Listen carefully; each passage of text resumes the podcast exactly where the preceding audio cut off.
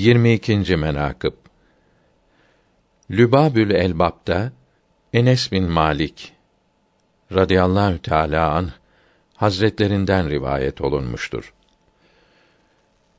Resulullah sallallahu teala aleyhi ve sellem hazretleri ensardan bir kimseyi mektup ile Yemen canibine tarafına Muaz bin Cebel radıyallahu teala an hazretlerine gönderdi.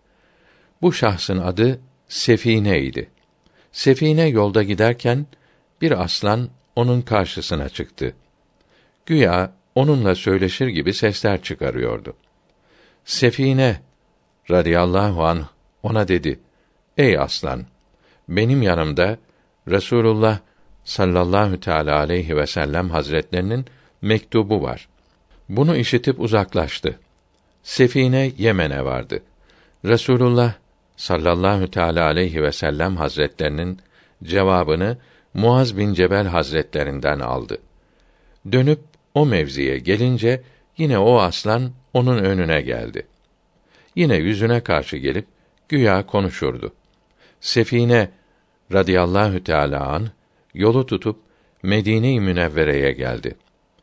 Resulullah sallallahu teala aleyhi ve sellem hazretlerinin huzuruna vardı. Henüz hiçbir kelam etmezden evvel Server alem buyurdu ki: Ya Sefine, hadiseyi sen mi anlatırsın, ben mi anlatayım? Sefine dedi ki: Ya Resulallah, hadiseyi sizden işitmek güzeldir. Senin mübarek ağzından dinlemek daha hoş, daha güzeldir.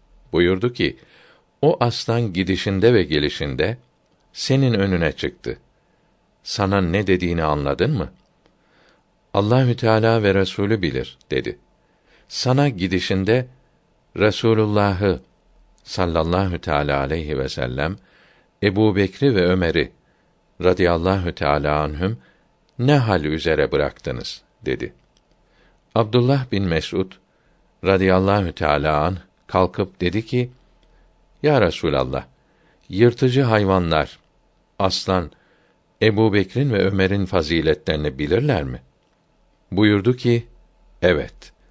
Beni hak peygamber gönderen Allahü Teala'ya yemin ederim ki semavatı yedi kat yeri, cenneti ve cehennemi, arş ve kürsi, melekleri ve cinnileri, dağları ve deryaları, hayvanları ve yırtıcı hayvanları ve ağaçları ve bunun gibi eşyayı halk etti yani yarattı. Bunların hepsi Hazreti Ebu Bekr ile Ömer'in faziletini radıyallahu teâlâ anhüm bilirler.